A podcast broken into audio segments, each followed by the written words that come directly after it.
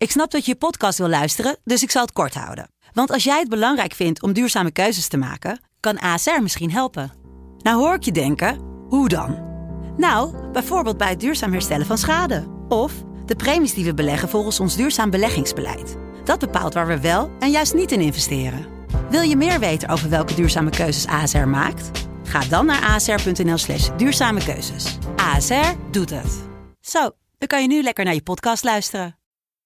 Vechtersbazen wordt mede mogelijk gemaakt door Unibed.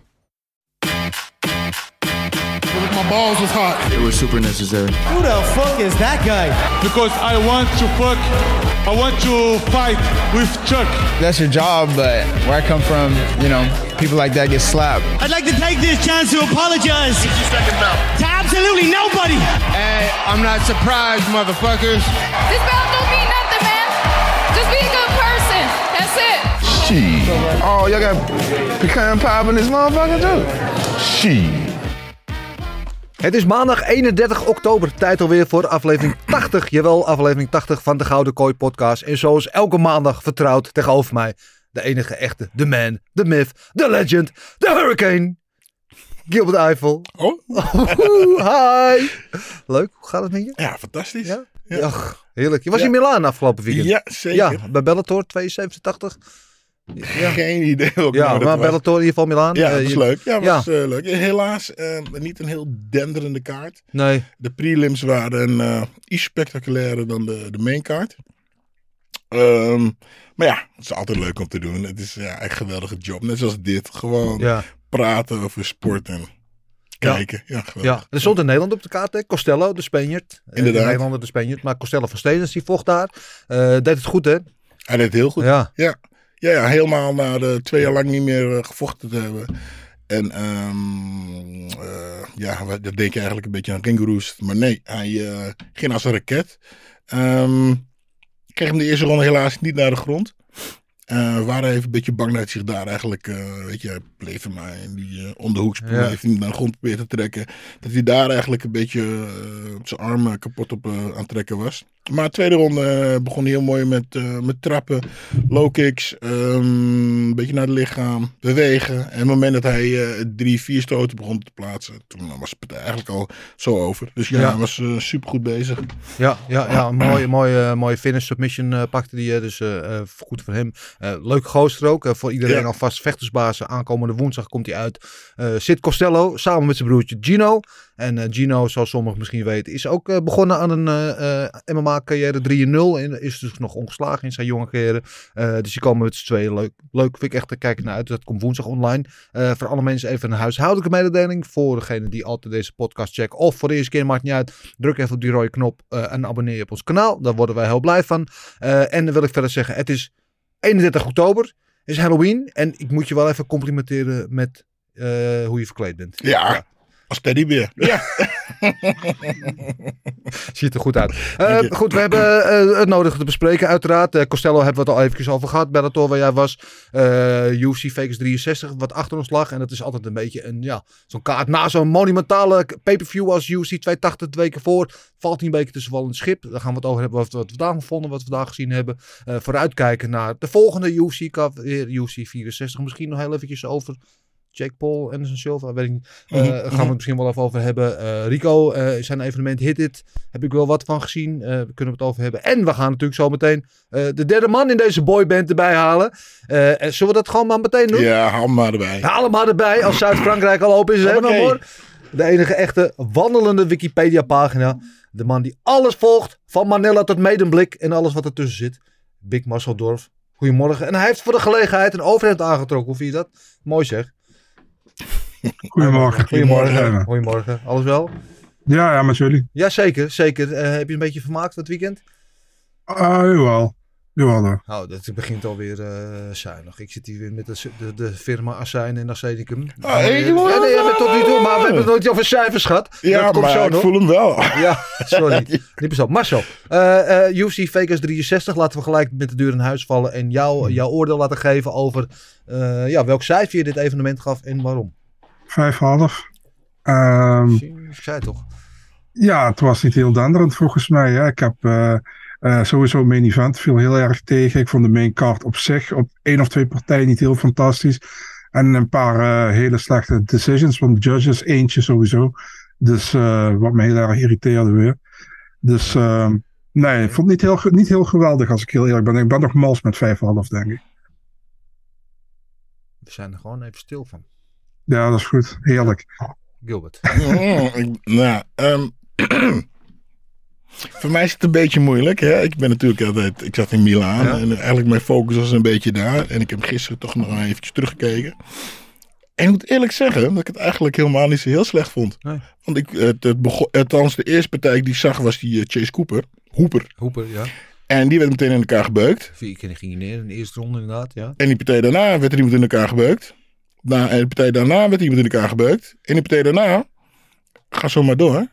En ja, natuurlijk helemaal jammer voor de main partij, voor de main eh, fight. Nou, dit- toen werd er ook nog iemand zijn hoofd er bijna afgetrokken. Zo. ja. Dus ik geef het een 7,5. Poehoe! Nou, dan eh, gaan we nu het historische feit meemaken. Dat voor de eerste keer in de geschiedenis van deze podcast dat eh, Gilbert Eiffel het hoogste cijfer... Of is het de tweede keer? Is dat al een keer eerder gebeurd eigenlijk? Weet ik niet. Marcel, jij bent van de, van de statistieken. Ik kan me niet herinneren. Nee, ik ook niet. Nee, de eerste keer volgens mij dat jij het hoogste cijfer geeft. Ik Boom. zou... Ik heb eigenlijk twee cijfers in mijn gedachten, eh, in mijn hoofd. Ik, ik zou eh, een 7 voor amusementswaarde, want er zaten een hoop leuke finishes bij. Er zat wel eh, het eindigt inderdaad een beetje in een anticlimax met die main event, gaan we het zo over hebben. Ehm, qua niveau van vechten waren een paar mismatches, waardoor je juist die finish kreeg. Vond ik het misschien een 5. Eh, maar qua amusementswaarde een 7. Dus ja. Oké, wat heb ik gewonnen? Een voetreis naar Rome. Oh, je komt net uit Milaan. Ja, nee, dat gaan we niet doen. Nee. Ehm, ja, zullen we gelijk eh, ehm, de koe bij de horns vatten en beginnen over het main event. Dat was die, die partij tussen Kelvin Keter en Arnold Allen. Partij waar ik in ieder geval heel erg naar uitkijk. En ik denk veel liefhebbers ook. Echt eh, een eh, partij tussen twee publieksfavorieten. De nummer 5 en 6 van de divisie. Met titelimplicaties, zoals Sander Schrik zou zeggen. De winnaar zou zich in ieder geval goed positioneren voor misschien wel een interim titelgevecht. Misschien zelfs al een titelgevecht. We weten niet wat daar allemaal gaat gebeuren. Ehm, ja, dan, komen ze. De verwachting is een hoog spannen. Komen ze, de, de, de partij begint. En de eerste ronde was leuk. Ik vond Ellen er echt goed uitzien. Eh, En dan opeens, ergens aan het einde van de ronde, maakt hij een gesprongen knie. Ellen stapt wijs uit de weg, komt verkeerd neer. En je ziet hem gewoon dat die knie gelijk... haalt. Ik weet niet of zijn meniscus scheurt, zijn knieband scheurde. Het is helemaal mis. De bikkel die hij is, hij staat nog wel op. eh strompelt naar zijn hoek. Kan niet meer op dat been staan eigenlijk. Begint nog aan die tweede ronde. Eh, maar bij de eerste beste low kick, eh, ja, Eerste stap naar achteren, ja. Eerste stap naar achteren, klaar en afgelopen. En ja, het is zonde, want de partij begon hoopvol. eh, en ik had er graag wel meer van willen zien. En met name van Arnold Allen, die er gewoon goed uitzag in de eerste ronde. eh, is voor hem ook kut om op deze manier te winnen. Eh, en man, voor Kelvin Keet is het stuk nog veel kutter. Want die is er misschien wel een jaar uit. Zo, we weten niet precies nog wat er aan de hand is volgens mij. Maar ja, Dubbel kut dus. ja, ja dubbel kut. Ja, Nee, ja. ehm Arnold Allen, hé. Wauw. ja, Eh, ik, mis- misschien niet leuk om te zeggen, maar misschien is het wel goed voor Kelvin dat dit gebeurde. ja, Want hij werd gewoon even in elkaar geslagen. ja. Ik vond dat hij in elkaar werd geslagen. Arnold Allen was zo goed bezig. Ja, en dan kunnen we natuurlijk weer... Ja, het waren vijf, we hadden nog vier rondes gehad. Hè, dus Ja. we weten niet oh, hoe Kelvin Keten, die is gewend om die vijf ronde partij te Jawel, maar we kunnen nu... Weet je nog de ene keer dat eh, die ene, ene gast zijn arm uit de kom kreeg... omdat hij in die submission zat? Kunnen we hier ook wat over hebben, weet je? Ja. Want het was eigenlijk een beetje Ortega moed. tegen, tegen Jair bedoel je, ja. Ja, een beetje moed eraan hopen. eh deed die eh eh, Keter of de Kelvin dat hij een eventjes een sprong wou, wou maken om nog even iets terug te doen in die laatste ronde. Of in die eerste ronde. Want Arnold Allen die was hem gewoon aan het zwaar domineren. ja. En ja, en dan maak je zo'n rare, raar sprong en kom je zo raar terecht. Ja, misschien is het een beetje ook weer... omdat Alle- eh, Arnold Allen zo aan het domineren was. Ja, ja, ja, nou ja, het een staat het ander niet uit. Ehm, ik wil er wel één ding nog over zeggen. Want die dokter die komt dan de kooi en die moet hem controleren. En als je... Die man heeft een, een medische studie gedaan. Die heeft een eed afgelegd. Hè, dat hij voor eh, de veiligheid et cetera voor zijn patiënten staat. En die man die komt de Ja. kooi in en die zegt... Oké, Ja, maar hij heeft heb- een röntgenoog. Hij kan toch niet zien. Ja, Ja, maar ja, een, een rund zonder ogen had nog kunnen Ja, zien. maar kom. Weet de man je, komt de kooi en hij zegt: Heb je een hartslag? Ja, oké, dan kan je vechten. Maar we kunnen alle kanten hier weer mee op. Want, eh weet die pik, eh, die laatste uh, schouder uit de kom had. ja, eh, Ortega. Nee, die andere. Die, oh, eh, uh, Dillashaw, ja, vorige week, ja. Die heeft die partij daarvoor, ja. vocht hij ook met een kapot, Met een een kapot knie, been. ja, ja. Ja, en die, eh, weet je wie vraagt ook nog in, eh, in, dat, ga, in, dat, in dat partij die, eh die knock-out werd geslagen? Dillashaw, oh, nee, eh, Phil Horst eh, tegen Dolice in, de- in de prelims, bedoel je?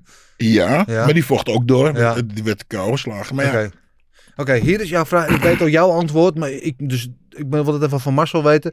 Ehm, we, we hebben deze discussie wel eens eerder gehad, ook met Kelvin Keten, toen hij tegen Holloway vocht, toen hij gewoon vier ronde, vijf ronde kans als in de kou werd geslagen, had Hoek het niet moeten stoppen. Ja, of dat vond ik, maar oké. Ehm, nu wil ik weer die discussie even aanswingen eigenlijk. Had Tyson Ch- eh, Carrier, natuurlijk een hele goede, goede coach, gerenommeerd en alles, had hij niet gewoon moeten zeggen van, eh, ik neem jou in bescherming, tuurlijk je bent, want Kel- Kelvin Keten zal nooit stoppen, zo taai is hij. Had hij niet gewoon moeten zeggen, nee we stoppen het, dit eh, eh, is te gevaarlijk of in ieder geval de schade is te groot. Als je nu doorgaat, dan wordt de schade misschien nog groter. Een beetje het idee dat eh, de hoek over het algemeen denkt van je zit op een, hoe noem je dat? Op een show-win bonus money. En dat ze zoiets hebben van ja, we stoppen hem niet. als, als zolang zij nog het idee hebben van je kan nog winnen, hoe dan ook, alles naar 1%, stoppen ze hem niet. Nee. Maar ja, maar ik denk dat, dat, dat, dat de ringarts dat misschien ook al wat moeten doen. Ja. Weet je? En eh, je zag na één trap naar een andere been van Allen. Toen moest hij op zijn andere been steunen. Ja, toen was hij weg. Ja. Dus ja, het is... eh, Ja, maar vol- eh, volgens mij wist hij het zelf ook nog niet eens, eh, Keten. Want hij, hij zei overduidelijk, of hij zei, ja, ik weet het niet. Weet je, Mhm. ik weet het niet. Ja. Dus je, ben je, ben je oké? Ja, Ja. I don't know. Ja, ik, weet ik, ik vind dat je als, als coach ehm, ook de morele verplichting hebt om voor de veiligheid van je vechters te waarborgen. Dus als er zoiets is, weet je wel. En dat is ook, daar hebben we het al heel vaak over gehad. Dat is het hele systeem van show win money. En dan krijgen we dat inderdaad. Want op het moment dat die coach stopt, dan gooi je de helft mogelijk van zijn salaris weg. Dat begrijp ik allemaal wel. Maar nu stuur je iemand terug een wedstrijd in die die al verloren heeft. eh, en met het risico op nog meer schade. Weet je, dan moet je gewoon die handdoek gooien. Dan moet je gewoon hem tegen zichzelf in bescherming nemen. Want die keten gaat nooit opgeven. Ja, ik weet hoe jij erop Ja, maar kijk, als, als, als sorry, eh, de, Ja, sorry. Marcel, wat, wat nou als iemand zijn arm breekt, als zijn hand breekt, Ja, en we weten het niet, en Ja. hij vecht door, en Ja. hij wint die partij, en dan zeggen we, en dan horen we achteraf, ja, hij brak zijn hand al in de tweede ronde. Ja. Oh, wat geweldig, wat deed hij het goed, nou, was een, wat een beest. Ja. Maar een handbreken is niet hetzelfde als je, je knieband of je meniscus. Ja, het eh, ligt het een beetje aan wat voor blessure je, Ja. eh, je hebt, toch? En de ene kan wel doorvechten en de andere weer niet. Ja. Ja. En Weet Ja. je, Ja. maar je ziet ook bijvoorbeeld dat eh Keder, toen die tweede ronde begon, toen zag je niet dat hij nog iets had aan zijn voet. Hij liep gewoon normaal, zeg maar. Dus je, je wist het niet zeker. Dus ik kan me nog wel iets bij voorstellen dat de Hoek misschien heeft gehad van, hij kan er wel mee door als hij zelf ook niet weet of hij of die iets heeft. Dus laat hem maar gaan. Dan vond ik in dat geval, vond ik dat van Horst tegen Dolice vond ik erger. Ja, was ook Horst erger. had echt, Horst had echt last van zijn van zijn- van zijn poot. Ja. En het is dat Dolice, eh, ik dacht wat aardig van Dolice dat hij er niet tegen trapt. Ik had er al lang tegen getrapt. Maar eh, ik dacht, ja, ja ik, eh, ik heb gewoon scheid wat dat betreft. Maar, want jij, jij gaat doorvechten, dus dan maak je er misbruik van. Tuurlijk. Maar kijk, uh, Dolice eh, deed dat niet. Maar hij sloeg hem vervolgens met een drie punts combinatie of zo zwaar KO. Dus ik had zoiets van, ja, zo aardig is die misschien ook weer niet. Maar dat was eerder iets geweest om in te grijpen. Maar ook van Dan Murgliotta, die ook niks deed overigens. ja, maar, die precies. Ja, die had ook wel in mogen grijpen. Ben ik met je eens. Maar ja, nou ja. Ja, Eh, nou, ik- het, is, het is een vechten, het is aan het vechten. Tuurlijk, Ja, maar dan- daarom ook, maar juist wat ik zeg, die, die eh, Kelvin Keten is zo taai. Als je vijf ronden lang, dan kreeg je bijna 500 significant stri- strikes op zijn hoofd tegen Max Holloway. Eh, weet je wel, en dan kan je wel heel taai zijn, maar op de lange termijn van iemands gezondheid moet je ook kijken wat de gevolgen zijn. En dan moet je af en toe moet je iemand misschien een beetje afremmen, weet je. En misschien loop je het risico dat hij de helft van zijn salaris kwijtraakt. Of misschien eh, loop je het risico dat die vechter jou ontslaat omdat hij het niet eens is met je beslissing. Maar die ver- verantwoordelijkheid heb je wel een beetje, vind ik. Maar goed, eh, we weten niet helemaal wat daar gezegd is in die hoek. Dus um, ja, geef ze even het Misschien, voordeel van de twijfel een, een verschil maken tussen blessures en te veel klappen krijgen. Ja. Ja, ja, het heeft uiteindelijk allemaal te maken met de gezondheid eh, en de veiligheid van de vechter. Wel allebei, zowel de blessure als de klap krijgen. Weet je, het gaat om de, de, de, de, hoe zeg je dat? Langdurigheid van iemands gezondheid. Weet je, dat hij niet alleen nu, maar dat hij over vijf jaar of tien jaar ook gewoon nog normaal zijn beroep kan uitoefenen. Of überhaupt normaal kan functioneren. Ja, Goed, ik weet het. Ik weet hoe jij erin staat, dus daar gaan we het niet over eens worden. Uh, het enige jammer is natuurlijk, nou, voor allebei wat we zeiden is kut. Maar uh, er zijn een hoop vragen ja, die toch niet helemaal beantwoord zijn nu. Eh, over Arnold Allen, weet je. Nu op een 10 fight winstreak, dus fantastisch. Daar kan niemand omheen. Eh, dan krijg je die post-fight speech. Hij is zelf ook een beetje beduust. Dan moet hij gewoon eigenlijk zijn vinger in de lucht steken en zeggen van... Ja, ik heb nu recht op een title shot. Of op zijn minst om die interim title. Maar dan loopt hij dan een beetje omheen te, te, te walsen. Uiteindelijk zegt hij het wel, is een beetje halfbakken. Maar Maar we zijn er over eens dat hij er geweldig uitzag. ja, fantastisch. Ja, Had ik niet verwacht. nee, fantastisch. Had ik op hem gegokt trouwens? Gaan we straks Nee, alleen, alleen Dennis had eh, Ar- Arnold Allen. Oh, dat is de enige die die goed had. nou, you know. Maar ehm, daar gaan we het straks even over hebben wat er voor Arnold Allen in het vergiet zou moeten liggen. Ik denk dat we wel een vrij goed idee hebben. Eh, ja, de rest van die kaart, Tim Means tegen Max Griffin. Eh, ja, Ja, leuk. Leuke Leuke partij. partij. Ik moet Ja. eerlijk zeggen, een goede partij. Ja. Ik snap alleen niet dat het gewoon met een eh, split decision was. nee, dat snap ik ook niet helemaal. Dat maar was een dat beetje ik. Ja. Judge is gonna judge. Dat waren wel, wel meer gevechten. Ehm, Tim Means tegen Max Griffin. Griffin inderdaad, goede overwinning voor hem. Tegen toch eh, altijd taaie eh, Tim Means. Eh, eventjes die partij daarvoor. eh, die- De Marshall De Special. Marshall Special. Eh, die kop. Ja.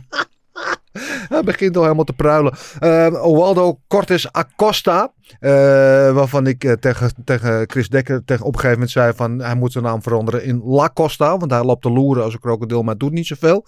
Eh, en tegen Jared Vander A. Van der A zeggen wij gewoon in Nederland. Eh, ja, dit was een, eh, een, een prima heavyweight partij voor LFA of zoiets, toch? Dat is gewoon maar niet op UFC niveau. En die Cortes Acosta, die werd helemaal gebouwd door UFC als natuurlijk het knockout monster en alles. ja, maar waarom, hoe, en hoe heeft hij die partij gewonnen?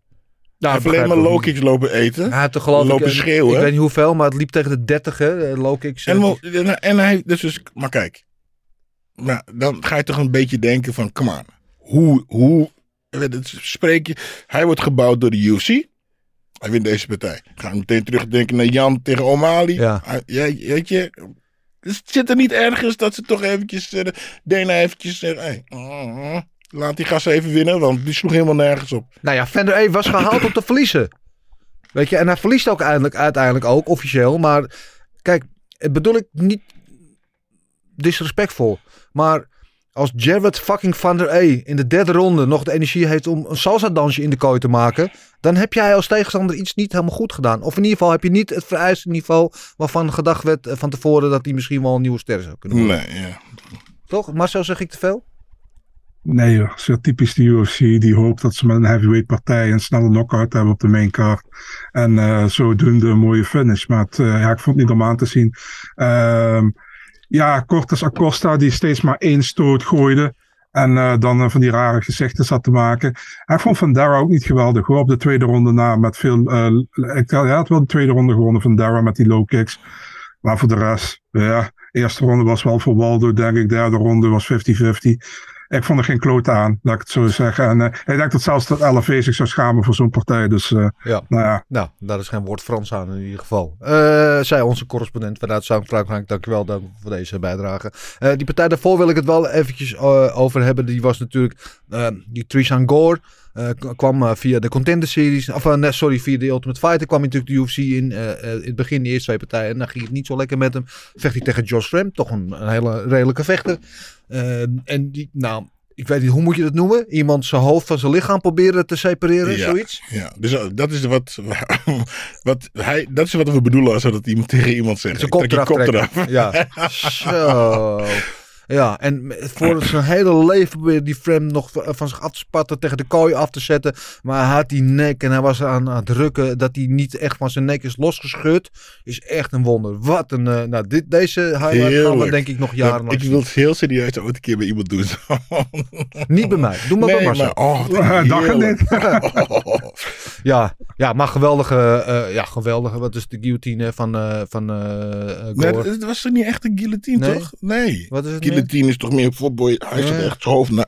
Beetje à la, uh, hoe heet hij ook weer? Die uh, van uh, Pride. Oh, hoe heet hij nou? Die, uh, die neger. Die altijd uh, drekkenbal nadeed, Marcel. Ah, Newton. Die, Carlos Newton. Die ja. pakt toch ook iemand zo tegen, in die... Tegen Pat Miletic. Juist. Ja. Heerlijk. Ja. Ja. Uh, ja, maar fantastische submission. En uh, kreeg ook een bonus, hè, terecht. Eh, Fight of the Night bonus. Of eh, Performance of the Night bonus. Dat hij hem niet heeft vermoord heeft bonus. Oh, de Bounty. Ja, geweldige prestatie. En eindelijk het zijn eerste UFC-overwinning. En daar was hij heel blij mee. Getuigen ook die speech die hij daarna gaf. Hè. De, het interview achteraf eh, was hij... eh, nou, was ook wel leuk om naar te kijken, vond ik. Ehm, ik weet, Marcel, de volgende partij. Ik ga hem gewoon alleen bij jou neerleggen. Heb jij wat over te zeggen? Dustin Jacoby tegen Khalil Roundtree. Eh, eh, twee kickboxers eigenlijk. Gewoon eh, in de kooi. Wat vond jij van deze wedstrijd? En met name van de uitslag. was een leuk gevecht op zich. Wat mij betreft was die Fight of the Night geweest als ze Fight of the Night hadden gegeven. Ja. Maar ja, het is ook leuk dat je ook twee, twee broers van Stevie Wonder langs de kooi hebt zitten die zo'n partij judgen dan. Eerste ronde, tweede ronde, wat mij betreft duidelijk voor Jacoby. Veel meer geland. Roundtree, vooral veel haymakers aan het gooien, veel gemist. Veel gemist. ja. Eh, ja, wat, maar maakt wel ent- entertaining. Derde ronde was wel voor eh, Roundtree wat mij betreft veel meer schade aangericht. Eh, en landen ook van die haymakers eindelijk. Dus wat mij betreft 2-1, weet je. En ik was verbaasd, joh. Ik heb mijn tweet moeten aanpassen, joh, bij, bij het filmpje bij wat ik gepost heb op Eurosport. Want ik had die al klaarstaan. En toen, ik denk, wat? Ik denk, nou, moeten we weer gaan aanpassen, weet je. Ja. En ik eh even gekeken over het algemeen. Ik denk, misschien heb ik het verkeerd gezien. Maar volgens mij, eh, wat ik gelezen heb, 99% had het voor Jacoby. Ja. En eh, ik vind het, kijk, is, ik vind hem slechter, ik vind een erger decision dan O'Malley tegen Jan. En dat zegt veel- eigenlijk veel. Ik vind als het ik een dat, decision. Ja, Nou, ik ik- vind ik- hem erger. En mag ik maar nog iets toevoegen? Ja, als je... Ja, sorry, ik hou mijn mond. Nee, zit er. Ehm, als je kijkt, Jacoby neemt een partij aan tegen iemand onder hem in de rankings. Ja, eigenlijk een hele hoge ehm, factor van, eh, eh, hoe noem je dat? Eh, dat lower, factor. Ja. high risk, low reward factor. Ehm, tegen iemand met knockout power. En nu verliest hij. Hij verliest A, zijn ranking hierdoor. Hij verliest B, zijn win bonus. Eh, hij verliest eigenlijk alles hierdoor. Zijn winstreak op dit moment. En dat door een slechte decision. Nou, ik vind het althans een slechte decision. Ik weet niet wat jullie erover denken, maar... Ja. Had hij hem dan niet gewoon knock-out moeten slaan?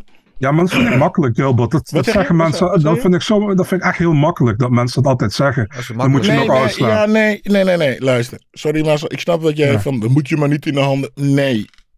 Ik denk in het algemeen zo. Je moet je tegenstander gewoon KO slaan of vinden ze, anders is het gewoon gelijk spel. Nee, goed, maar kijk nu eens gewoon naar de regels in plaats van je eigen regels toe te passen. Je moet kijken naar drie rondes, ja. En die moet je per ronde scoren. En eigenlijk moet je elke ronde als een los gevecht scoren. Dus Ja, per sorry. ja, dat, dat zijn gewoon de regels, Ja, je hebt gelijk, maar ik zie het gewoon als eh, simpel. Als er twee mensen aan het eind van de partij nog staan, omslist. Ja, oké. Je Maar winnen, dat is je nou helemaal niet aan de hand. Dus daar, we moeten het doen met de, de criteria die ons gegeven zijn. Ik dacht ook dat Jacoby had gewonnen. Ehm, het, maar het is wel een beetje weer... Jij noemde al die partij tegen tussen Amelie en Jan vorige week. Beetje hetzelfde verhaal. Waarin eh, ik ook dacht dat Jacoby de eerste twee rondes had gewonnen en round 3 de derde. Je zou ook een, een, een case kunnen maken dat Jacoby alle drie de ronden had gewonnen. Want die derde ronde was wel, wel vrij close. Ehm, maar er is misschien ook een case te maken dat Roundtree die eerste ronde ook gewonnen had. En uiteindelijk, het gezicht van Jacoby vertelt ook een verhaal als je kijkt naar schade. Want schade is natuurlijk een van de belangrijkste criteria. Eh, het gezicht van Jacoby lag behoorlijk in elkaar. En Roundtree... Ja, de derde ronde. Hè? De derde ronde. Ja, Ja, ja. dat lag ze gezegd in de, in de. Ja, ja, de derde oké. ronde. Oké. Ja, ik, ik vond nogmaals, ik vond ook dat Jacoby gewonnen had. Hm. Eh, Maar kunnen wij eigenlijk wel goed eh, jureren als eh, wij zelf stiekem een beetje... Ik zeg niet dat je fan bent van de een of de ander. Maar bijvoorbeeld even Jan en versus O'Malley. ja. Ik vind dat Jan had gewonnen. Ja, maar ook. dat komt omdat ik het zwaar Jan-fan ben. En Ja. O'Malley niet echt, ma echt, echt mag. Ben ik nou... Hoe doet het op... op eh, hoe doet het op... Niet objectief. Ja, nou- ja? Ja. ja. Of... Nee, of Ja, laten dat- we onze emoties en gevoelens hier een beetje mee spelen. Eh, Kijk, ik, ik, ik ken Jacoby persoonlijk. Ik- Weet je, van zijn glorietijd heb ik met hem gewerkt. Hele sympathieke vent, goede vechter. Eh, en dan als hij iemand kent en weet je, hij komt vanuit jouw achtergrond ook, vanuit kickboksen. Dan hoop je altijd dat, dat hij het goed doet. Dus dan heb je automatisch een streep, heeft hij een streepje voor bij mij. Ehm, op een 9 fight unbeaten streak. Hè? Dus hij was op een geweldige. En dat verhaal werd in 2012 de UC uitgetrapt. Vier glories zichzelf weer teruggeknokt. Negen gevechten achter elkaar, achter elkaar niet verloren. Eh, en, en dan deze partij ook aan het winnen eigenlijk. En dan ja, komt hij misschien wel richting die top 10, weet Mhm. je wel. En dan gebeurt er zoiets. Ja, dan denk je, godverdomme. Ehm, ik, ik, Eventjes een, een, een zijweggetje van de week. eh, voor het gevecht was Kelvin Keter op de mediadag bij, bij de UFC. En toen ging het over zijn vorige partij tegen Josh Emmett. Die die ook verloor in, in een split decision. Waarvan heel veel mensen dachten dat hij gewonnen had. Hè? Eh, en die kwam met het voorstel. Die zei van ja, we moeten... Weet je, wat moeten we nou doen om het op te lossen? Hij zei we moeten juryleden verantwoordelijk houden. Eh, verantwoording laten afleggen voor hun keuzes. Zoals, iemand, zoals zeg maar twee juryleden het zo zien. En jij ziet het zo. Eh, laat hem dan uitleggen waarom hij het zo ziet. En helemaal als het herhaaldelijk gebeurt. Want je ziet vaak dat bepaalde juryleden altijd afwijken van de rest. Ehm, als dat er gebeurt, laat ze dan verantwoording afleggen van waarom ze kiezen zoals ze kiezen. Zodat je kan begrijpen waarom ze dat doen. En dat je het eventueel kan bijsturen. En dat we het misschien kunnen uitleggen. Dat we weten waarom ze dat doen. En dat weten we nu gewoon vaak niet. Het is een beetje random, weet je wel. En, en wat Marcel zegt is natuurlijk wel terecht. Eh, je speelt wel met en iemands salaris. Dus eh, met, met, met, ja, met, met eh, eh, zijn voorziening voor zijn gezin, et cetera. Maar ook met de toekomst van zijn carrière. Want hij raakt nu misschien zijn ranking kwijt. Ja. Ja, nou kijk, en dat is ook weer iets, weet je. Dat is zoals Marcel dus net zei. hij vecht dus naar beneden. En, mm, maar als we al die dingen eens weghalen. Daar niet eens aan denken. En dan zonder onze emoties. Want we, kennen hem, of ik ben een fan. Of stel als hij verliest, dan verlie- is, hij- is hij dat kwijt. En alleen maar, ah, zo Ja, kijken naar die partij. Uh-huh. Zien wij dan, zullen wij dan de, de, uit, de, de uitslag anders zien? Of zijn we dan nog, eh, zijn we nu niet, weet ik niet hè, nogmaals. Nee, nee, maar maar dat- de vraag, ben ik daar niet een beetje bevoordeeld? Nee, ik snap wat jij bedoelt. Eh, ik denk, niemand is uiteindelijk 100% objectief. Dat bestaat niet. Eh, maar ze moeten wel zoveel mogelijk objectief zijn. En al die dingen die wij noemen mogen niet van invloed zijn op de beslissing. Maar het zijn wel de gevolgen die eraan vastzitten. Dus eh, je hebt wel een bepaalde verantwoordelijkheid. Want jouw keuzes hebben consequenties, weet je. En, en eh, over die keuzes moet je dan ook verantwoording afkomen leggen. Ik bedoel, in het voetbal is tegenwoordig ook, ik vind het ook wel een beetje slap. Maar als een scheidsrechter, eh, weet ik veel, een bepaalde eh, beslissing maakt die dubieus is, dan komt hij na afloop voor de camera en dan komt hij uitleggen waarom hij dat heeft gedaan. Duidelijk. Ja, Ja. en dat vind ik dat ze met juryleden ook. Ze hoeven niet meteen voor de pers te staan. Maar goed. Weet je, een vrije klap kunnen ze krijgen. Als ze het fout fight. hebben gedaan, een vrije klap. Bang! En je op zijn oog. Ja. Jij biedt je aan, eh, neem ik aan. Uit, ik, ik, als er een klap uit te delen valt, dan ja. ja. Dana, als je kijkt, eh, Gilbert is beschikbaar.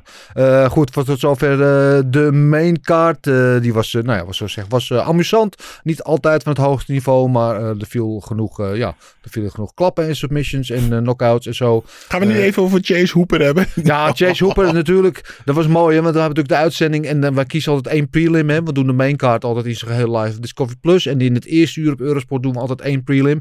En de prelim die we deze week hadden gekozen was die van Chase Hooper tegen Steve Garcia. Dus we hadden Chase Hooper een beetje opgebouwd met grappige filmpjes. Weet je wel, dat hij de, de, de zoon van Ben Askren speelde, bla bla. Nou, dan heb je hem helemaal opgebouwd. Maar die partij is al geweest, dus we weten op een gegeven moment, voordat we hem gaan laten zien, al wat er gebeurd is. Dus nou, dan weet je, nou, het is in 90 seconden afgelopen. Dat is kut. Dan heb je iemand een kwartier lang lopen opbouwen. Ja. En in anderhalf minuut is dat gevecht voorbij, weet je wel. Ja, maar, ja dat was zuur. Maar goed, ja, dat eh, shit happens, hè. It's all in the game. Maar Chase Hooper, dat zeiden van tevoren al. Heel talentvol, heel leuk, charismatisch en zo. Maar te vroeg, man. Jongens, 22. Hij kreeg allemaal, wat kreeg hij buik? En niet dat hij even wakker werd of zo. Hij kreeg één links om zijn oren. Ja. Toen nog één. En toen nog één. En toen nog één. En dan zou je eigenlijk denken van, nou, misschien moet je zijn hand even hoog houden. Ja. Ja, maar hij kan, kijk, op de grond is hij fenomenaal. Het is echt een, een grappling wizard. Eh, op de voeten kan hij gewoon echt helemaal geen reet. Weet je, het is gewoon sneu. En je ziet ook of niet echt ontwikkeling. Hij was gewoon bang om klappen uit te delen, om klappen te krijgen. Wordt vier keer neergeslagen in anderhalve minuut tijd. Wat op zich ook een record is, denk ik.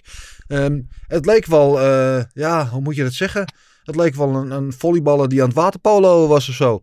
Weet je, het was gewoon met een hele andere sport bezig op de voeten. En, en gun die jongen gewoon niet, want hij is nu 3 en 3 in de UFC. Maar afgezien van dat, er zijn gasten met slechtere records. Maar de manier waarop je verloor, weet je, stuur hem naar LFA of weet ik veel, naar eh, Titan Fighting of naar een kleine organisatie. En laat hem daar gewoon wat ervaring op doen. Laat hem rijpen, laat zich ontwikkelen. En kom over twee, drie jaar nog een keer. Ja, en geef hem wat meer te eten, man. Ja, geef hem een boterham. Jongen. Ja, maar hij is 1,85 hè, voor eh, eh, 62 kilo. Wat, wat is het, Hij 64 is kilo. zo dun. Ik kan hem zo in mijn auto hangen. Aan mijn binnenboordspiegel. Hoe noemt het bij aangebruikelijkheidsspiegel? Tjoh, Ja, ja. Hij, hij ging opeens ook spinning backfist eruit gooien, man. Maar die Eh, er wel ja, bijna trouwens. Ja, maar... Ja, Ja, ik ziet er zo zie- hulpeloos uit.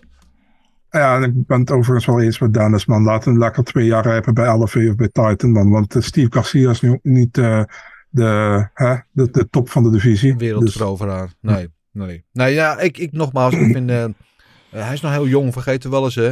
En eh, we krijgen straks- straks... En die is misschien wel wat, wat handig op de voeten, maar die Raul Rosas, die geloof ik 18 is of 17, dat is hij. 18 nu. Ja, nu net 18 geworden. Weet je, het is wel heel jong. UFC is wel de la crème, de Champions League, weet je. En, en ja, soms heb je die ervaring wat meer nodig om daar met de, big boys mee te kunnen doen. En Chase Hooper, duidelijk is daar een, eh, een voordeel van. Eh, anyway, Steve Garcia krijgt wel de performance bonus eh, voor die TKO. Dus nou, leuk voor hem, 50.000 dollar. Dolice, waar we het over hadden, die dus korte metten maakte. Met Phil Horse ook, toch ook 50.000 niet?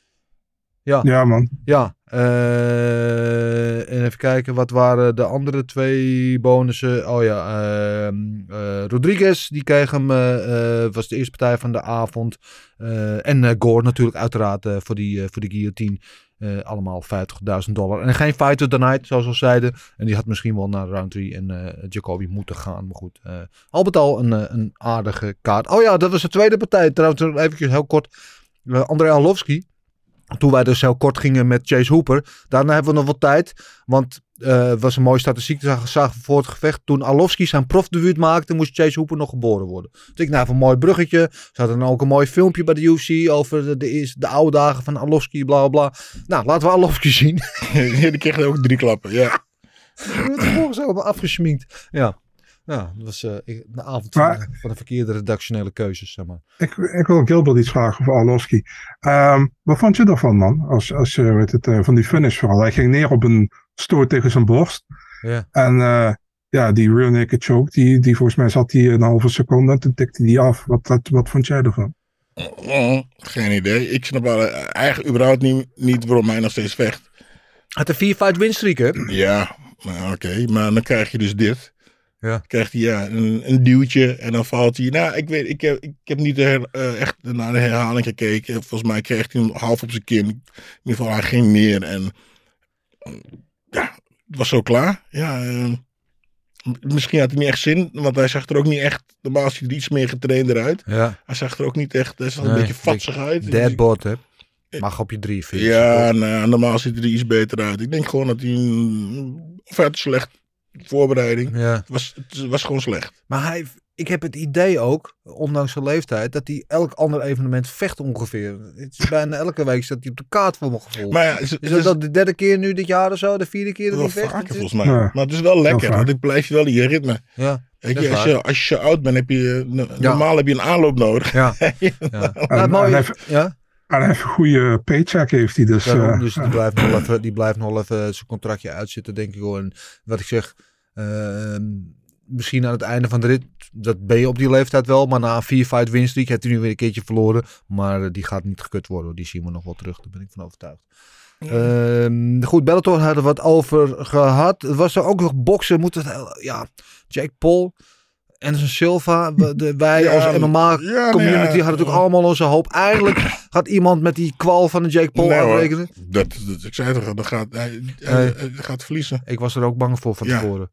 Kijk, kijk, Anderson Silva was goed vroeger. Dat was een van de aller, allerbeste. Ja. En op het moment dat hij dus al zijn rare fratjes begon te doen. En was eigenlijk Ja. het, al de teken dat hij wat minder goed werd. Ja. Nou, ja, dan werd hij een knock-out geslagen door Chris Weidman. En eigenlijk in principe daarna is het... Ja. Weet je, nou, dan wint hij van Tito Ortiz. Maar dat is een slappe. Dat is een serieuze slappe. Nou, en dan moet hij tegen Jake Paul. Die is natuurlijk veel jonger. Ja. En die is gewoon ah, super. We denken allemaal, ja, het is een, een YouTuber. Maar hij is Ja. keihard aan het trainen. Ja, hij is keihard aan het trainen. En hij, weet je, we hebben ook wel hem respect gegeven. Hij kan wel boksen. Het is geen, hij- weet je, het is niet uh, Canelo niveau, dat zal hij nooit worden. Nee. Maar hij kan, weet je, in het gemiddelde van, van, eh, van, van de ranglijst, zeg maar, kan hij, kan hij aardig boksen. En hij heeft ook alle middelen om zich heen en de trainers om zich optimaal voor te bereiden. En Anderson Silva is 47. 47. Oh, de leeftijd zeg. Ja. Ik zal maar 47 zijn. Ja, ik kan me... Nee, maar ik ben even stil. En aan de ene kant is het toch ook weer, ik vind, ja, ik vind het ook wel weer stoer.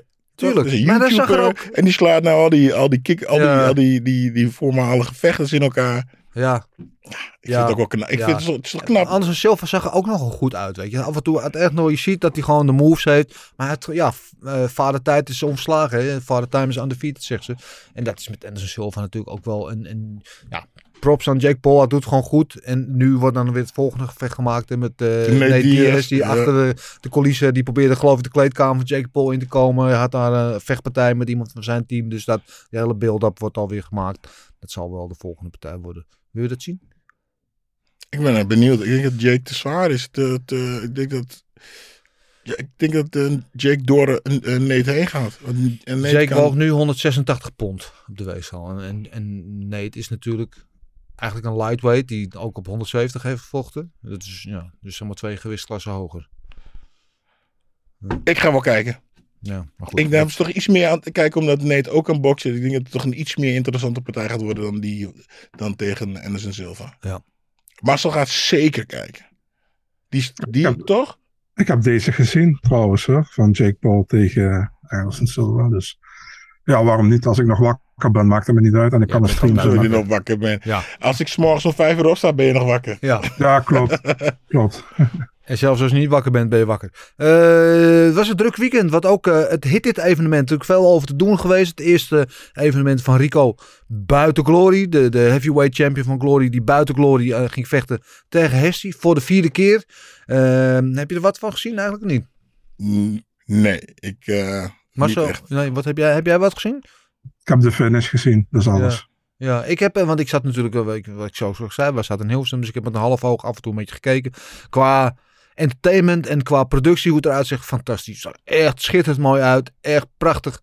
Eh, de gevechten heb ik met een half oog. Ik heb de partij van Denise Kielholz heb ik eh, met stukjes een beetje gezien. De partij van Hessie tegen Rico heb ik wel helemaal gezien. Eh, en ja, Hessie was gewoon zoals Hessie altijd is. Knokt gewoon voor wat hij waard is, weet je wel. Neemt ze, geeft ze. Ehm, je weet van tevoren dat het daar moeilijk is. Hij had al drie keer tegen Rico gevochten en drie keer verloren. En dat was nu niet anders. Ehm, maar kijk, ik heb wel, ik heb wel respect voor Hessie. Want weet je, kan, iedereen kan van alles altijd zeggen. Maar hij vecht altijd. Hij komt tegen, maakt niet uit of het nou tegen Sam Schild is. eh, op een week notie, dan stapt hij in het vliegtuig. En dan, of op een korte nog zelfs. Of tegen Rico, of maakt niet uit. Hij komt altijd om te knokken en eh, geeft altijd alles. Werkt altijd keihard. Eh, of het genoeg is, niet altijd. Maar hij staat er wel altijd. En eh, ik begreep dat dit nu einde van zijn carrière is. Dat het zijn laatste partij is geweest. Eh, werd niet helemaal bevestigd, weet ik niet zeker. Eh, maar hij kan terugkijken op echt een mooie, mooie carrière, man. Eh, twee keer tegen Badden gevochten. Tegen Sam Schild gevochten. vier keer tegen Rico, zoals gezegd. Hij heeft echt met, met de beste in de sport heeft hij de ring gedeeld. Niet altijd gewonnen, maar wel altijd zijn mannetje gestaan. En daarvoor vind ik, verdient hij echt een diepe buiging van mij in elk geval. Goed, we zijn er stil van. Eh, laten we in de, onze glazen bol kijken en eh, eh, kijken wat er in de toekomst ligt. En dat is een beetje een raar verhaal nu natuurlijk naar de ongelukkige afloop van de main event. Maar toch een beetje gaan matchmaken. En laten we beginnen inderdaad met Arnold Allen. Die toch heel weifelend, verlegen bijna, twijfelend om een interim titelgevecht vroeg. En ik denk dat hij dat wel moet krijgen, toch? Ja, ik zit denken tegen wie? Ja, nou, Ja, ik- kan hij niet tegen Jos Emmet vechten? Tegen Emmet, ja. Ja, toch? Ik zou zeggen tegen Emmet om de interim eh, eh, titel. Eh, want die eh, had natuurlijk laatst van Kelvin Keter gewonnen, dus die zat te hoog in die ranking. Eh Volkanovski gaat natuurlijk waarschijnlijk in februari gaat die, eh, tegen eh Makachev om de lightweight titel. Dus die is even buiten, buiten mededinging. Dus eh, gewoon er een interim titel in.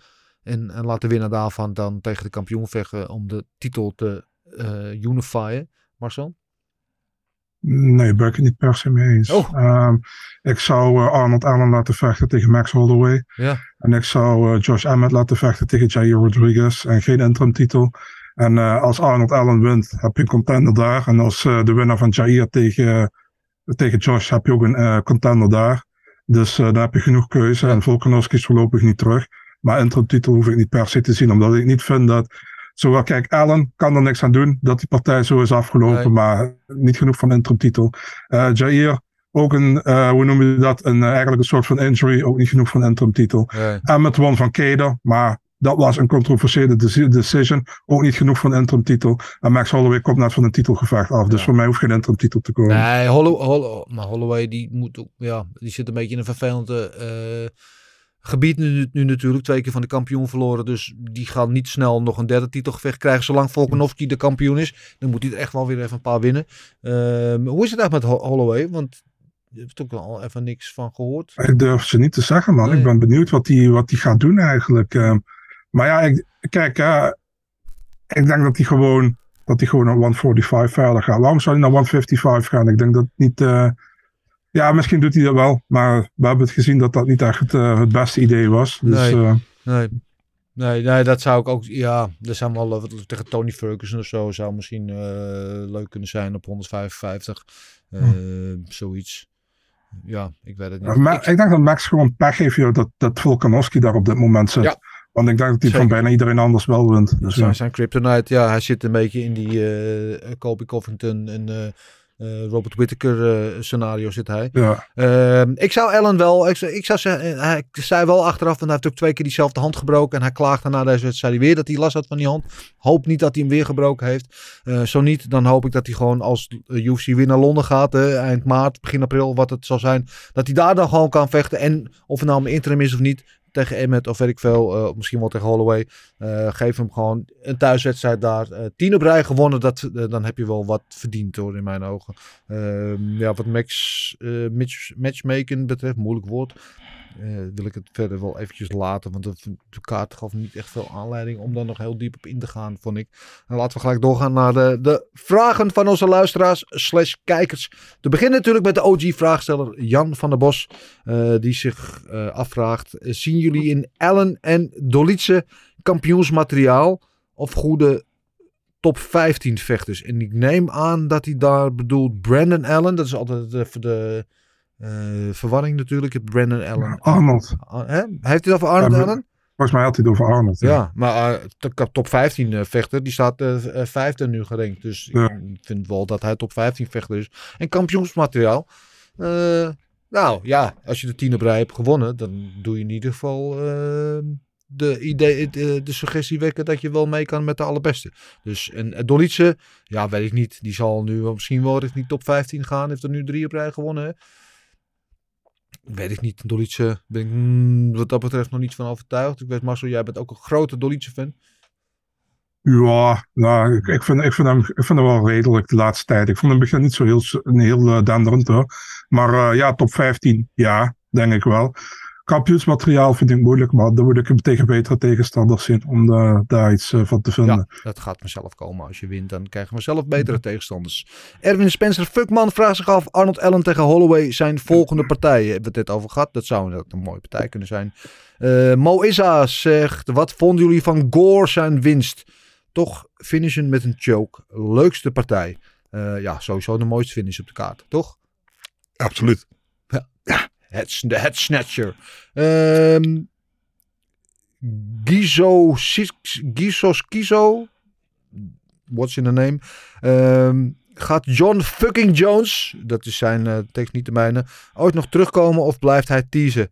Ja, hij blijft vooral al twee jaar lang teasen. Dus al, al drie jaar lang ondertussen dat hij niet gevochten heeft.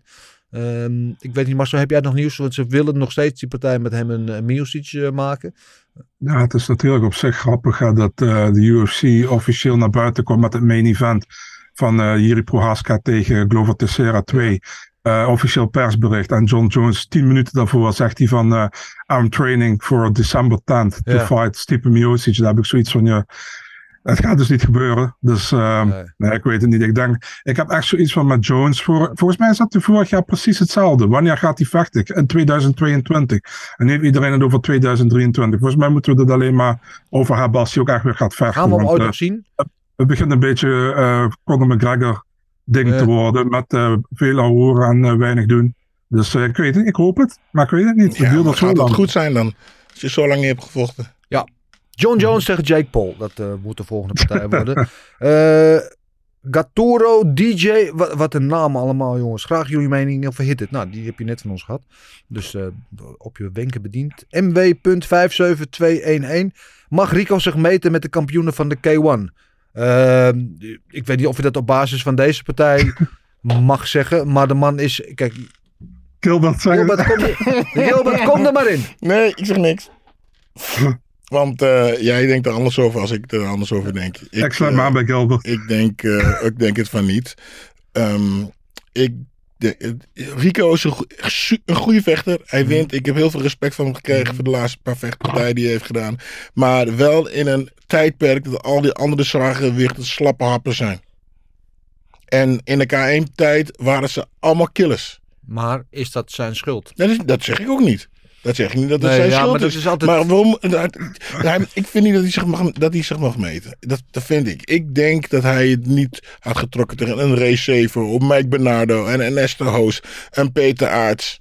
Sam, ja, Sam Schild in zijn, in zijn sterke tijd. Denk, Ja. Dat denk ik. Daarom zul ik eigenlijk Nee. niks zeggen, want anders word Nee. je boos op mij zo.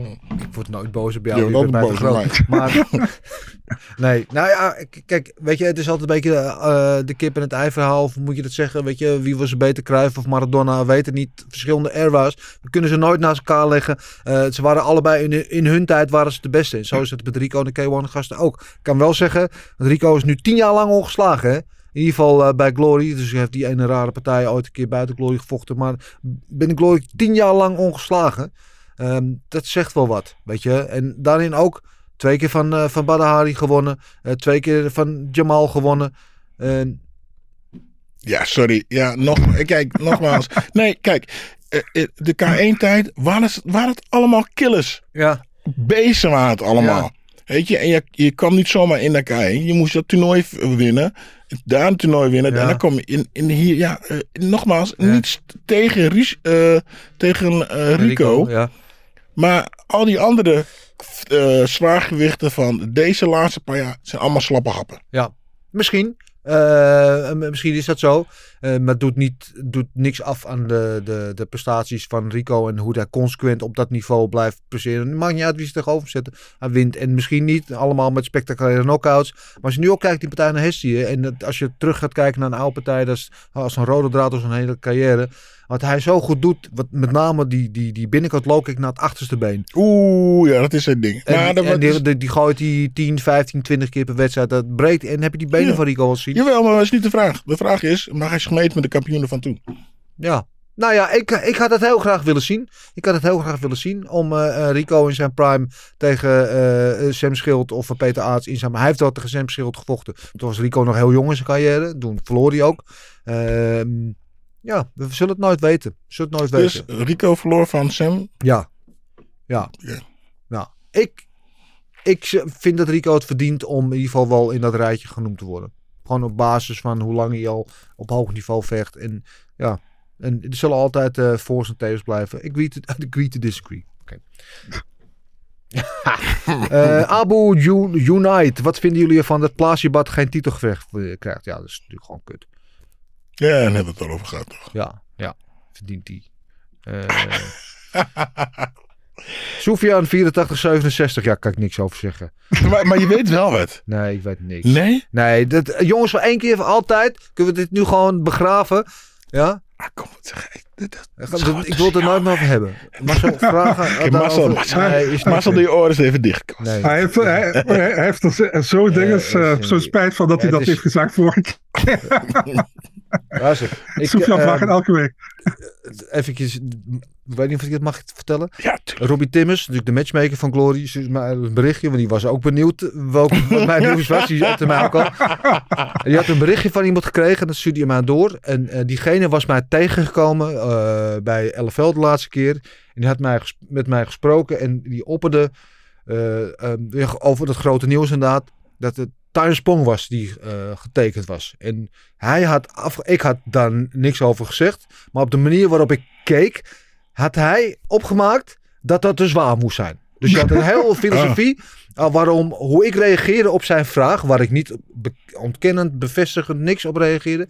Maar hoe ik reageerde, of hoe ik keek, of hoe ik mijn wenkbrauwen deed, weet ik wel.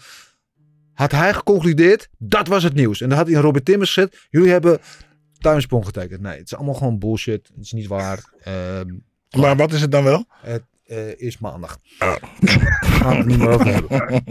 Eh, Stefan VR, kritiek op Rico. Voor het eerste event vond ik het best goed. Maar qua niveau moet het wel omhoog. Wat zijn jullie reacties? Eh, ja, nou ja. Het, het was meer een entertainment dan een vechtsport evenement. Dus zo moet je dat dan ook beoordelen. Rico stond al wel echt te knokken. Heeft hij ook.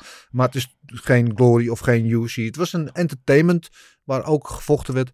En zo moet je het ook beoordelen. Niet als een vechtsport evenement, denk ik. Eh Danny BJ, welke kans is groter? Dat we Askarov nog een keer zien vechten of dat we Fred voor een single leg zien gaan? Wie is Fred? Ja, Vroeg me ook af. Ik had gehoopt dat ze niet. Fred. Ik weet niet, Danny eh, BJ, ik ben een zeer gewaardeerde eh, luisteraar. Ge- en geef je het nummer even van, eh, van Marcel. Kun je hem even bellen om Ja. even uit te leggen? Ja, ik weet echt niet wie Fred is. Ik weet wel dat Askarov uit zijn contract is. Ehm, want die had natuurlijk de vorige keer wat, wat gezondheidsproblemen met weightcut. Er werd de weightcut gestopt. Heeft gevraagd van ik wil uit mijn contract. Had er geloof ik nog één partij opstaan. Of dit was de laatste partij. Dat was de laatste, ja. Ja, die dus niet gebeurd is. Dus feitelijk had hij dan nog een partij staan.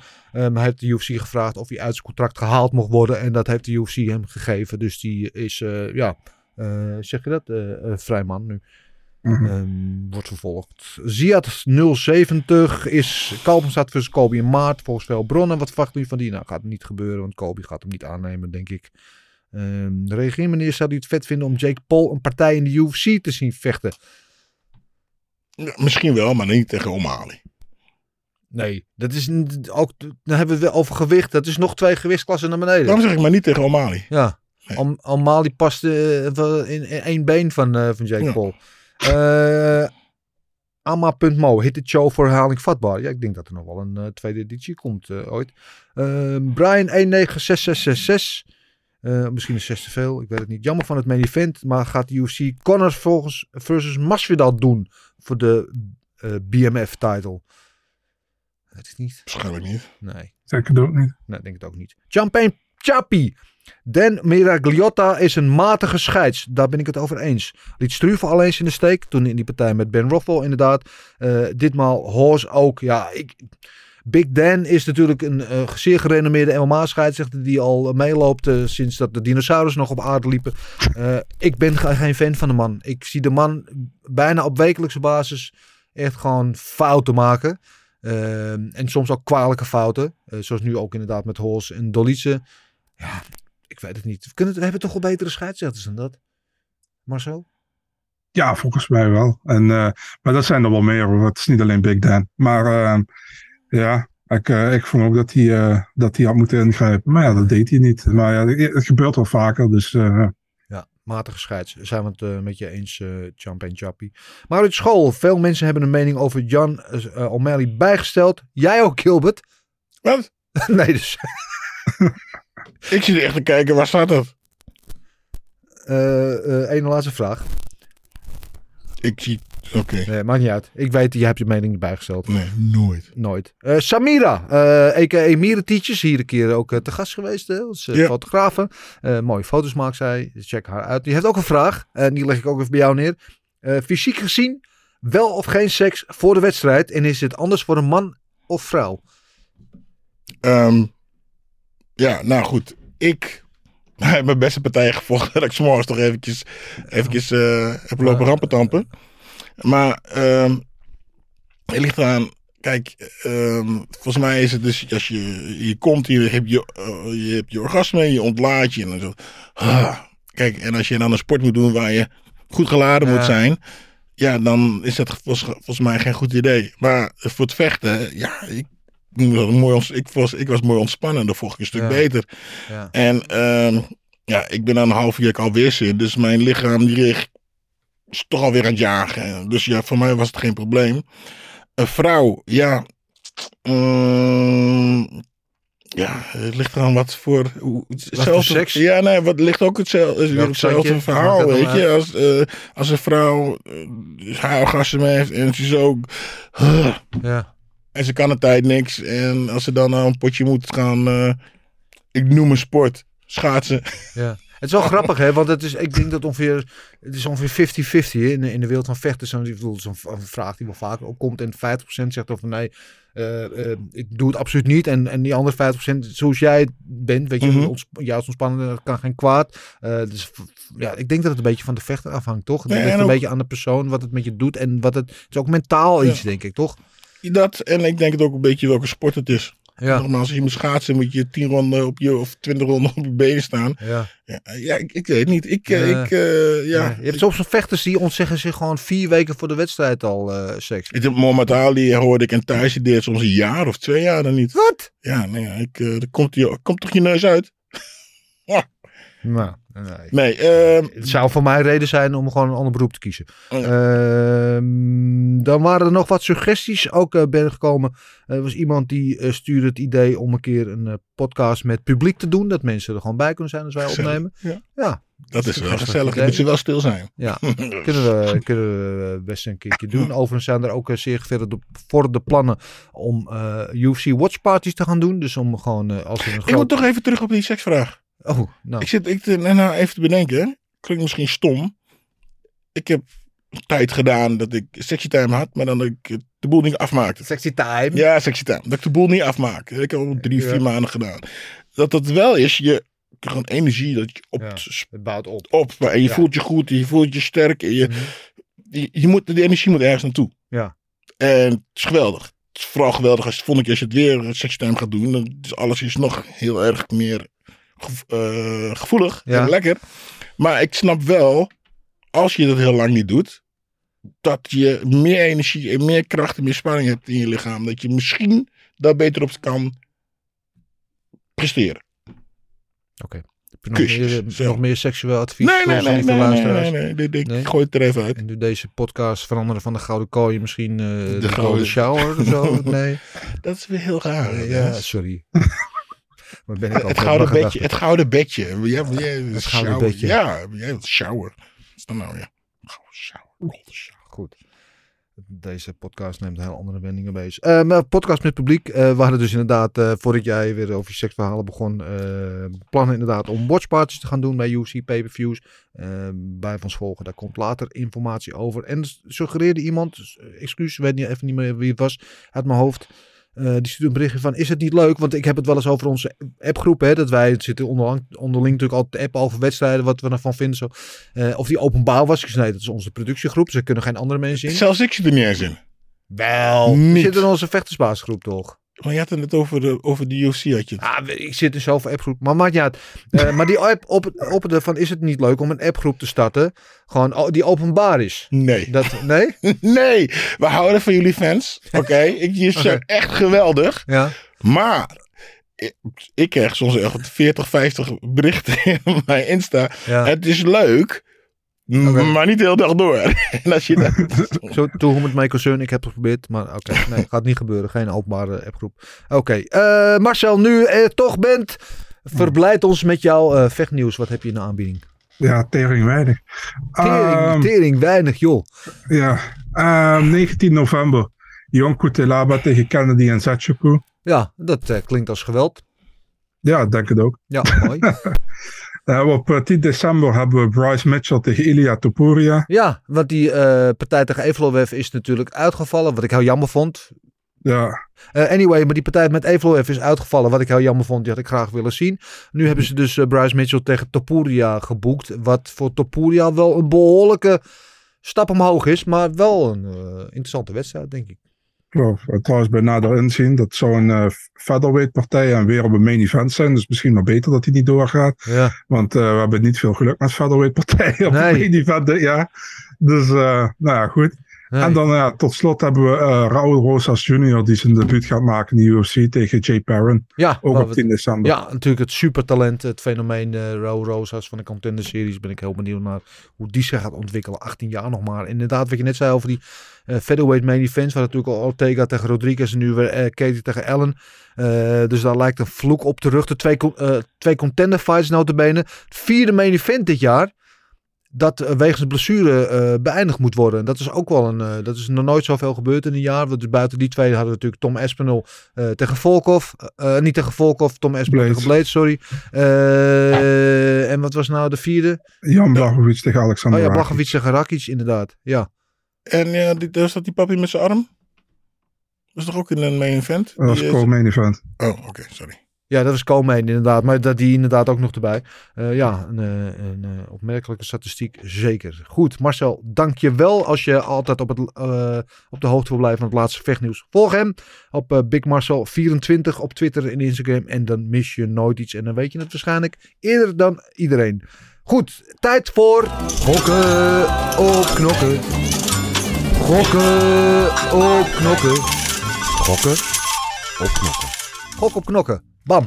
Uh, ja, Marcel, jij bent de, de penningmeester van dit verhaal tegenwoordig. Wat is er gebeurd? Ja, um, veel punten hebben we niet gescoord in ieder geval. Uh, nou, laten we beginnen met onze eigen picks hier. Sorry Gilbert, voorspellingen. Um, Cortes Acosta tegen Jared Vandera. Gilbert en ik hadden Cortes Acosta KO in de eerste ronde. Dennis had uh, Vandera Decision, dus ja. één punt voor Gilbert en één voor mij. Eigenlijk wel uit een, uit een paar puntjes gepikt, hè? Ja, nou ja, mag het een keer. Ja. Uh, ik grapje. ik weet het niet. Ik, uh, ik vond het close, dus uh, mm, Oké, okay. next. Means tegen Griffin. Gilbert had Griffin TKO derde ronde. Dennis had Griffin TKO tweede ronde. Ik had Means Decision. Het werd een Griffin Decision, terecht ja. overigens. En allebei een punt voor Dennis en voor, voor Gilbert. Cater against Allen. Uh, Gilbert en ik hadden Cater decision. En Dennis had een submission voor Allen in de vierde ronde. En ik dacht even dat hij nog drie punten ging halen in de eerste ronde met een submission bijna. Maar ja. uh, het werd dus één punt uiteindelijk voor Dennis. Ja. Uh, komen op, een, op uiteindelijk punten totaal. Twee voor Dennis, twee voor Gilbert en één voor mij. 130 voor mij, 131 voor Gilbert en 135 voor Dennis. It's lonely at the top.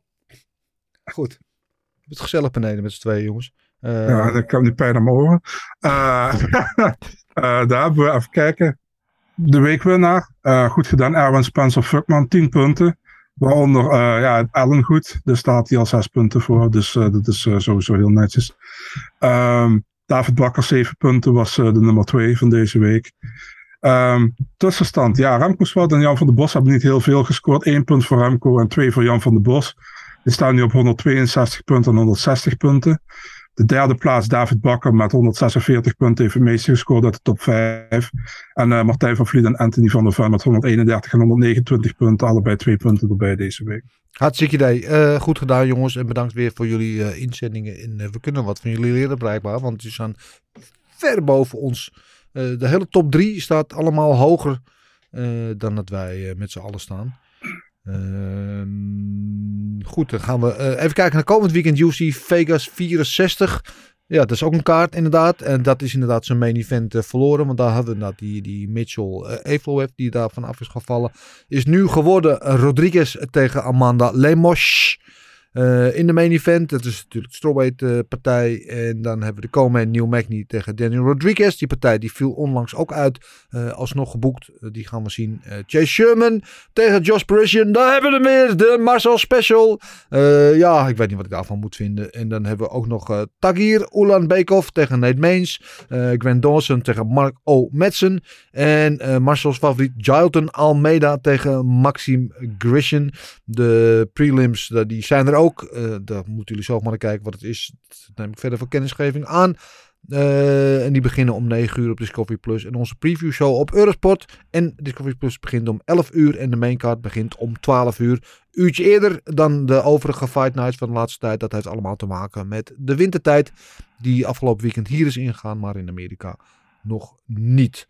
Uh, laten we onze voorspellingen gaan doen. Ik ben tegenwoordig zo bewust van hoe ik dat zeg elke keer. Door Gilbert. Maar anyway, eh, laten we van beneden naar boven gaan. Uh, Chase, de Vanilla Gorilla. De slechtste bijnaam in de sport. Sherman tegen Josh Parisian. Uh, daar zijn ook odds voor. Min 110 allebei. Dus dat is een pick'em. En uh, Marcel, aangezien deze partij naar jou vernoemd is, mag jij hem aftrappen. Sorry, ik zie dat niet op mijn, eh, op mijn, op mijn blaadje. Zie je dat niet op jouw Ik blaadje? heb die tak hier tegen Nate Mendes. Nee, het is de bovenste drie. Dus eh, Sherman, Persian, eh, Magny, eh, Rodriguez en Rodriguez tegen Lemos. Nee, je moet even in het draaiboek. Die klopt niet. Oh, UFC-site is niet te vertrouwen. Ehm, ja, Chase Sherman tegen Josh Parisian. eh, ja, wie kijkt er niet naar uit? Weer zo'n eh, heavyweight partij op de main card waar niemand op zit te wachten. Ehm, ja, voor mij is het echt inderdaad een pick. Hem kan, elke, kan allebei de kanten op. Ik ga voor Chase Sherman. Ehm, ik ga voor een TKO in de tweede ronde. Ik weet het niet, man. Ik Zei het met veel eh, enthousiasme. Eh, ik zeg ook Chase Sherman. Die heeft de vorige keer natuurlijk eh, tegen Vendor die we zaterdag nog zagen. eh, eindelijk weer een keertje eh, gewonnen. Eh, en dat deed het zelfs met een finish. En ik denk dat hij nu nou ook tegen Prison ook wel in staat moet zijn om een eh, finish te krijgen. Ik zeg eh, Sherman, eh, derde ronde KO slash TKO Gilbert. Ik ga voor die andere tweede ronde KO. Boom. Eh, De co-main event, Neil Magny tegen Daniel Rodriguez. De partij in de welterweight divisie. eh, min 120 is Magny de favoriet. En Rodriguez eh, plus 100. De underdog. En Rodriguez die hebben we natuurlijk pas geleden nog gezien. UC 279 met die partij tegen Li Jingliang. Met al die partijen die door elkaar geschuffeld worden. Stond uiteindelijk tegen de Leech. En won daar een enigszins controversiële decision eh, van de Leech. Eh, krijgt nu eh, de kans om tegen een gerenommeerde tegenstander als Neil Magny te laten zien dat het geen vloek was. Gilbert, wat zeg jij? Daniel Rodriguez, Ja, die wint die partij op beslissing. ja sluit ik me bij aan. Eh Neil heeft ook nog wat goed te maken. Want die komt natuurlijk van die, eh, die finish tegen Rakmanov. Die werd gefinished door Rakmanov, eh, pijlsnel. Eh, natuurlijk altijd een taaie vechter voor iedereen. Al, al 100 jaar. Ik geloof dat hij het record heeft voor langste vechttijd in de welterweight geschiedenis. Met eh 5 uur en 44 minuten nog wat. Ehm, dus grote kans dat het een decision wordt. Ik vind Rodriguez ja, de wat scherpere bokser. Eh, dat is ook vooral wat Rodriguez natuurlijk ook altijd doet, boksen. Want voor de rest eh, trappen en submissions en dat soort dingen hoef je niet van hem te verwachten. Eh, ik zeg ook Rodriguez op decision. 50-50. Ik, ik vind wel dat Magny over het algemeen meestal de derde ronde wint. En daarom ga ik voor Magny decision. Ah, close. Kan allebei de kanten op. Zo lekker kort en eh, krachtig deze keer. De main event Marina Rodriguez tegen Amanda Lemos. En Rodriguez is hier de favoriet min 210 en Lemos de underdog plus 175. Eh, ja, een interessante wedstrijd in die, in die divisie natuurlijk. Eh, we hebben ze alle twee al, al vaker gezien dit jaar. Zelfs me- meer dan, dan eens. Volgens mij is het, is het niet voor Lemos al de derde keer dit jaar dat zij vecht. Mhm. Ja. Andrade en Watterson. dacht Ja. ja. Precies, ja. En, eh en eh Lemos kwam natuurlijk net van die, eh, die goede submission overwinning in haar vorige partij. Het is de nummer 3 tegen de nummer 7. Ehm Rodriguez natuurlijk de Muay Thai vechter. Lemos wat meer allround heeft dus ook inderdaad een submission game. Ehm, ik ben toch wel geneigd om te hier te zeggen Rodriguez. Eh, ik vind haar wel goed. Ehm, misschien niet kampioensmateriaal of ze zal niet snel om de titel gaan vechten. Maar ik vind haar wel, eh, ik vind haar wel goed. En met name met haar boksen. Eh, als ze dat een beetje mixt met de trappen. Ze heeft natuurlijk een lengtevoordeel. Dan denk ik dat zij wel in staat geacht moet worden om dit te winnen van Amanda Lemos. Ik denk niet dat we een finish krijgen. Want ze zijn alle twee niet echt finishers. Ja. Maar Rodriguez op beslissing zeg ik. Ja, ik vind Rodriguez ook wel heel goed. Maar ik ga voor Amanda. En ik denk dat Amanda... Is Word wordt ja. heel blij van als je zegt, ik ga voor Amanda. Ja, is- ja Amanda. Ja, ik vind het, voor ik vind het een heerlijke naam, Amanda. Amanda. Maar eh is het vijf ronden? Vijf ronden, ja. Ja. Ja, ik zou eigenlijk zeggen ehm, mm, op punten, maar ik ga voor een eh, derde ronde overwinning voor Amanda. En dat doet ze met een submission. Submission, Boom. Amanda. Gewaagd, gewaagd. Marcel, het laatste woord is aan jou. Ja, ehm, ik denk dat als Marina wint, dat ze een titelgevecht krijgt. Dus eh, ik ga voor een decision voor Rodriguez. Oh. Ik denk dat ze overal beter is dan Lamos. En eh, ik, eh, ik heb haar tegen, tegen Durn gezien. Daar is gewoon vijf rondes. Hij is eigenlijk alleen de tweede ronde moeite tegen gehad. op de klopt. grond, voor de rest heeft ze staan kunnen houden. Ik ga voor Marina, ja. Hartstikke idee. We zijn het lekker eens met elkaar vandaag, zeg. Ik niet gewend. Nou eh, kom zeker door het overhemd. Goed, dit eh, was eh, weer het einde van eh, deze aflevering van de Gouden Kooi podcast. Eh, volgende week zijn we er weer. Vergeet niet al jullie voorspellingen te sturen. Eh, dat kan via de mail info.vechtersbazen.tv en jullie vragen, opmerkingen, suggestie, matchmaking ideeën kunnen jullie allemaal of via de mail of via de DM's op Instagram en Twitter sturen. Eh, volgende week zijn we er uiteraard weer en dan gaan we vooruitkijken naar daar heb ik wel heel veel zin in. UFC 281 natuurlijk met Adesanya tegen Pereira. Oh, Spannend, ja, super spannend. Eigenlijk kijk ik daar nu al overheen voorbij deze kaart. Maar, is deze, maar ja, dat is wel eentje waar ik echt, eh, echt naar uitkijk. Maar goed, eerst deze kaart. Eh, ik zou willen zeggen, jullie allemaal weer bedankt. Allemaal weer bedankt voor het kijken en luisteren. Vergeet niet te liken, te delen, te abonneren. Vooral abonneren. En dan heb ik nog maar één ding te zeggen. En dat is de muscle! Everything is possible in your life when you believe. I'm not God or none, but I just baptized two individuals back to back. You, you know, they're, they're selling you all wolf tickets, people. You're eating them right up. Just give me location. Every day I send Dana White message. Hey, where's my location? Hey, pussy, are you still there? I wouldn't like to do that fight again. Oh, What round they was at?